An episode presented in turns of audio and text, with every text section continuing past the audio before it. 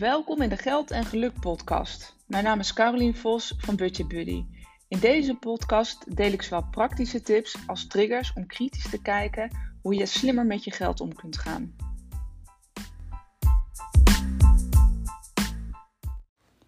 Hey, fijn dat je weer luistert naar een nieuwe aflevering van de Geld en Geluk podcast.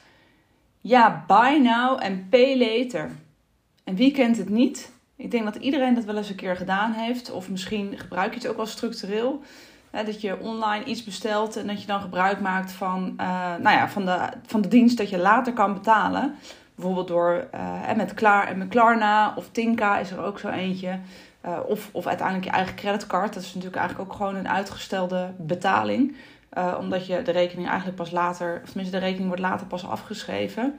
Nou, het was deze week ook weer uitvoerig in het nieuws. De, nou ja, eigenlijk ook wel de risico's die het met zich meebrengt. En um, ik zie dit ook in praktijk heel veel uh, voorkomen.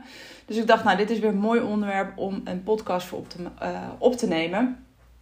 Nou, en uit dat onderzoek blijkt dus ook dat vier van de tien online consumenten zeker wel één keer gebruik heeft gemaakt van deze diensten. Uh, 4 op de 10, nou oké, okay, is 1 op de 5. Dus dat is best wel een, een behoorlijke aan, aandeel mensen die, uh, nou ja, die, die uiteindelijk zijn betaling uitstelt. En misschien ben jij er ook wel eentje van die het af en toe doet. Maar met name als, je, uh, als dit een patroon is, als het eigenlijk gewoon een soort van standaard is. Um, wil ik je echt eventjes, nou ja, wil ik dat je misschien nog even doorluistert naar deze podcast. Want dan ga ik je uitleggen wat daar de risico's van zijn. Um, want het is uiteindelijk, even heel uh, een grote stap naar de kant van de de, waar, waar jij je spullen koopt. Het, is, het blijkt dus ook gewoon echt een verdienmodel te zijn. Laat ik het onderzoek dat er een, volgens mij een bedrijf was die uh, zo'n 12% van de omzet kwam uit aanmalingskosten, dus incassokosten van deze uh, hoe heet dat, manier van betalen. Dus dat betekent gewoon dat ze 12% van hun omzet verdienen omdat mensen hun rekeningen te laat betalen. Dat is natuurlijk echt, tenminste, ik vind dat als budgetcoach echt tenenkrommend dat dit een verdienmodel is. En ik zie het echt wel veel voorkomen. Um, hè, en ook bij de mensen die ik, uh, die ik help. Eigenlijk een van de eerste dingen die ik altijd zeg. Eh, haal die app eraf, haal die Klarna of waar je het ook mee doet. Haal dat alsjeblieft van je telefoon af. Want het is echt uh, een hele gevaarlijke. En natuurlijk kun je zeggen, nou weet je, het is, en dat is ook vaak de reden waarom het um, uh, gebruikt wordt. Um, zeker op het moment dat je bijvoorbeeld kleding bestelt of schoenen of iets dergelijks. Uh, of, je weet, of je weet nog niet zo goed wat voor keuze je moet maken. Uh, er wordt er vaak online, en dat, dat werkt natuurlijk makkelijk online, meerdere dingen besteld. Dus op het moment dat je ook denkt, nou weet je, ik weet nog niet precies welke maat ik moet hebben. Weet je wat, ik bestel er gewoon twee. Want hoe fijn is het? Ik hoef het nu toch nog niet te betalen. Dus het kost mij eigenlijk niks extra's. En dan kan ik het thuis gewoon lekker passen. En dan stuur ik terug wat ik niet nodig heb. Um, en dan heb ik daar niet voor betaald. Want er zit vaak een termijn in van uh, volgens mij uh, een maand waarin je dat weer terug moet betalen. Of zoiets dergelijks. Uh, ik weet het eerlijk gezegd zelf nu ook niet precies. Omdat ik het, um, omdat ik het zelf eigenlijk ook niet meer, niet meer gebruik. Ik zeg ook meer, ik heb het wel eens gedaan. Um, maar je moet dan ook dus ook heel goed weten van oké, wanneer moet ik dat weer terugbetalen? Of je moet, ja, dat moet je wel echt in de smies houden. En ik vind het uh, niet fijn om dingen. Um, nou ja, uiteindelijk is het gewoon met geleend geld. Uh, maar daar later eventjes meer over. Dus even terug naar wat is de reden waarom dit vaak gebeurt. En ik denk dat je jezelf hier dan wel in herkent op het moment dat je hier ook wel gebruik van maakt. Uh, het is vaak fijn om inderdaad meerdere dingen te kunnen bestellen.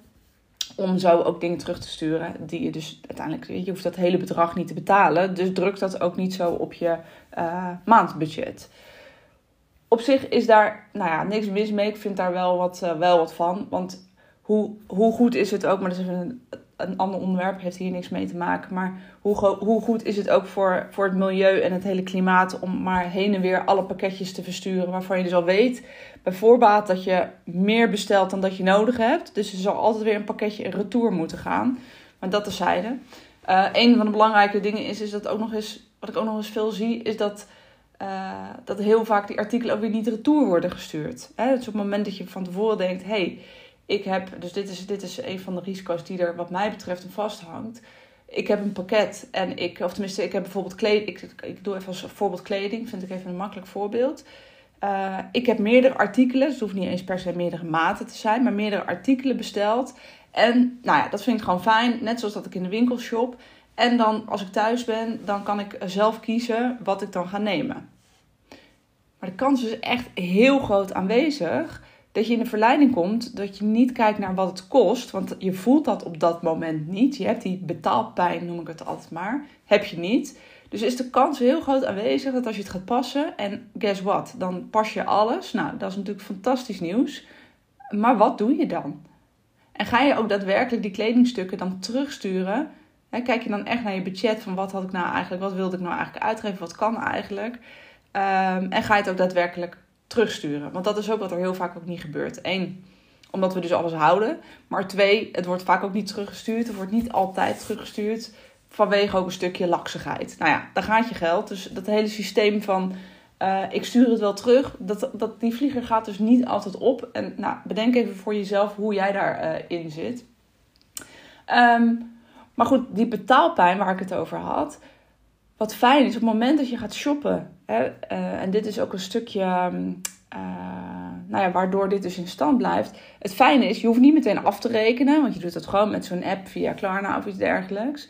Dus je voelt die pijn niet. Op het moment dat het pakket binnenkomt, heb je daar in principe eigenlijk ook nog geen last van. Wanneer je er pas last van hebt, is het moment dat je in een maand later die, deze rekening weer voor je kiezen krijgt. En hoe zuur is het dat je dus in je hoofd elke keer bezig moet zijn met: oh ja, ik had dit ook nog betaald. Of dit moet nog betaald worden. Ik heb dit gekocht, maar dat moet ik nog dus afbetalen. En dat je dat in een maand daarna, dat je dat weer voor je kiezen krijgt.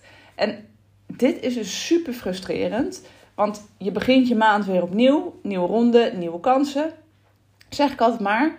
Maar eigenlijk begin je dus al met een minstand. Of eh, als je kijkt naar je budgetten, heb je dus al een deel uitgegeven. Omdat je de maand ervoor uh, hebt geshopt of daar dus al geld hebt uitgegeven.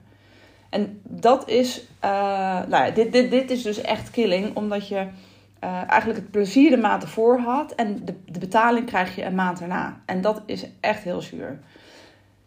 Nou, ik heb het al in de inleiding gezegd. Dit is dus blijkbaar echt ook een verdienmodel van bedrijven. Um, dus wees je daar dus ook bewust van dat dat, uh, dat, dat dus. Mee, uh, speelt. En het blijkt dus ook uit onderzoek, en ik weet even niet helemaal meer de cijfers van dit. Oh ja, ik, ik, ik zie het hier. 1 op de 5 krijgt ook een aanmaning. Dus dat betekent, een aanmaning is dat je hè, je rekening dus niet op tijd betaald hebt. Dus van die 20% mensen die dus online wel eens geshopt heeft, hè, 20% van alle Nederlanders, 1 op de 5 krijgt een aanmaling en uh, nou ja, vergeet zijn rekening te betalen of betaalt te laat. En dat komt mede hoogstwaarschijnlijk dat je daar even geen rekening mee hebt gehouden in de maand, hè, de nieuwe maand. Uh, dat in één keer die rekening komt dat je denkt, oh ja, shit, dat had ik ook nog besteld. Dat had ik ook nog besteld, dat had ik ook nog gekocht. Uh, en als je daar dus geen rekening mee houdt, ja, dan kom je dus echt in de knoei. En dat blijkt dus ook uit, uit het onderzoek te komen dat de 1 op de 5 dus ook echt een aanmaling en een herinnering krijgt. En dat betekent dus dat je uiteindelijk incassokosten krijgt. Dus je zult dus meer moeten betalen over het bedrag wat je uiteindelijk, um, uh, over het uiteindelijke, het eerste oorspronkelijke bedrag. En dat is dus het stukje verdienmodel wat bedrijven hebben. En natuurlijk is dat niet hun intentie, maar het is wel mooi meegenomen dat ze dit aan jou kunnen aanbieden. En nou ja, in geval van dat bedrijf zo 12% van hun omzet binnen kunnen harken, omdat jij je rekeningen te laat betaalt. Nou goed, je hoeft je geen zorgen te maken over de bedrijven en dat dat hun verdienmodel is. Even terug naar jezelf. Ik stel altijd de vraag, hè, want ik, nou, wat ik zei, ik geef eigenlijk altijd als advies: haal die, haal die app alsjeblieft van je telefoon af en stop hiermee. Um, zit ik even te denken, wat wilde ik hier nou zeggen? Oh ja, de vraag die ik hier dus eigenlijk altijd bij uh, stel: op het moment dat je dus iets gaat kopen op afbetaling, hoezo doe je het op afbetaling? En het kan dus zijn dat het gewoon een patroon is, wat ik aangaf, hè, van je bestelt meer en je bedenkt, oh ja, dat doe ik terug, stuur ik terug. Dat, nou, dat, kan een, dat kan een reden zijn. Het kan ook een reden zijn, is dat je denkt, hey, uh, en dit zie ik ook veel gebeuren. Ik heb het geld nu niet, maar ik weet, en, en dit noem ik altijd creatief boekhouden in je hoofd.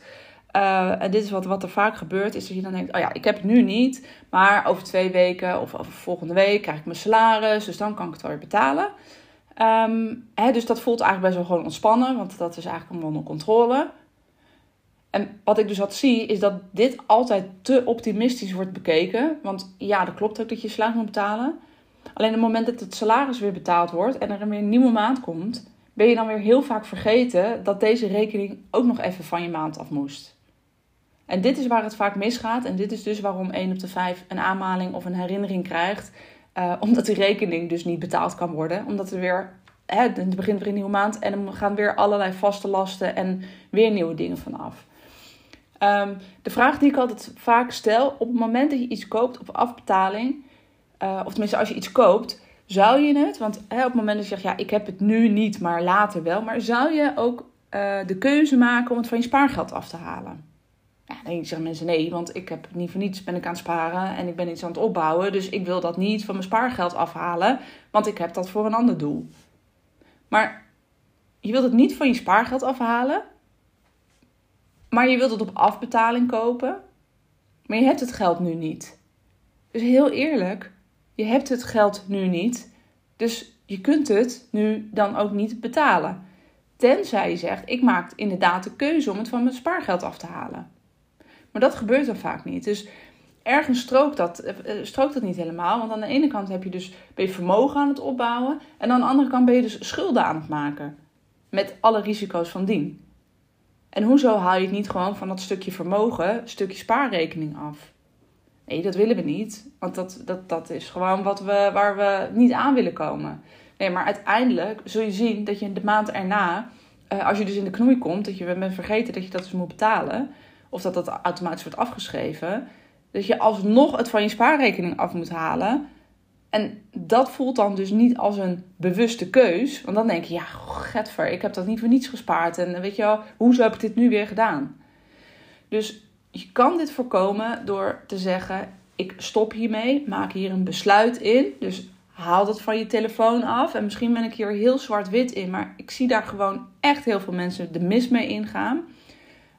Um, en zorg ervoor dat het moment dat je iets gaat kopen, dat het ook binnen je budget past. En past het niet nu, deze maand, binnen je budget met wat je wil kopen, dat betekent dat je geld opzij moet gaan zetten of ervoor moet sparen. En dit klinkt altijd heel groot.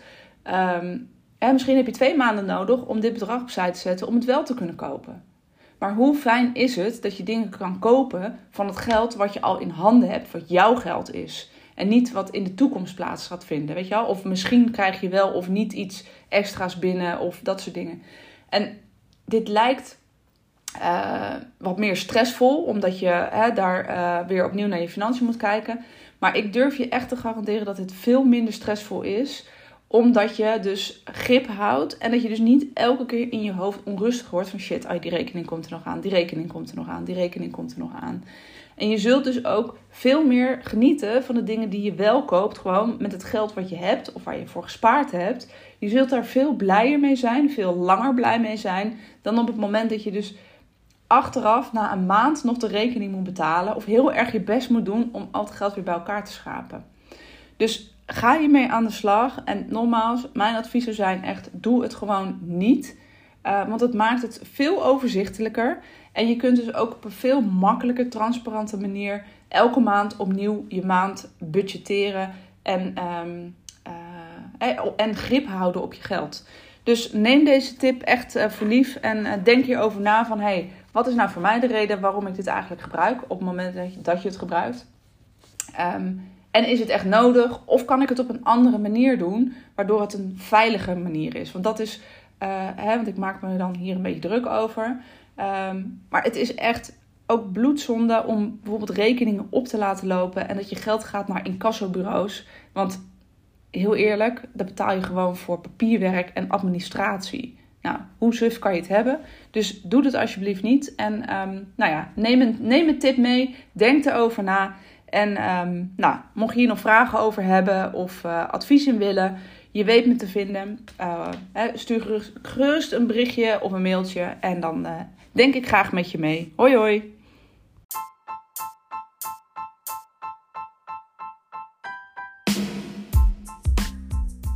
het zit er weer op. Een aflevering van de podcast Geld en Geluk. Bedankt voor het luisteren. Ik waardeer het altijd enorm. Wil je nog meer informatie of inspiratie hebben? Kijk dan op mijn website www.budgetbuddy.nl. Daar kun je onder andere mijn e-book downloaden, waar ik vijf gouden tips met je deel hoe je meer geld overhoudt om opzij te zetten. Of volg me op Instagram budgetbuddy.nl.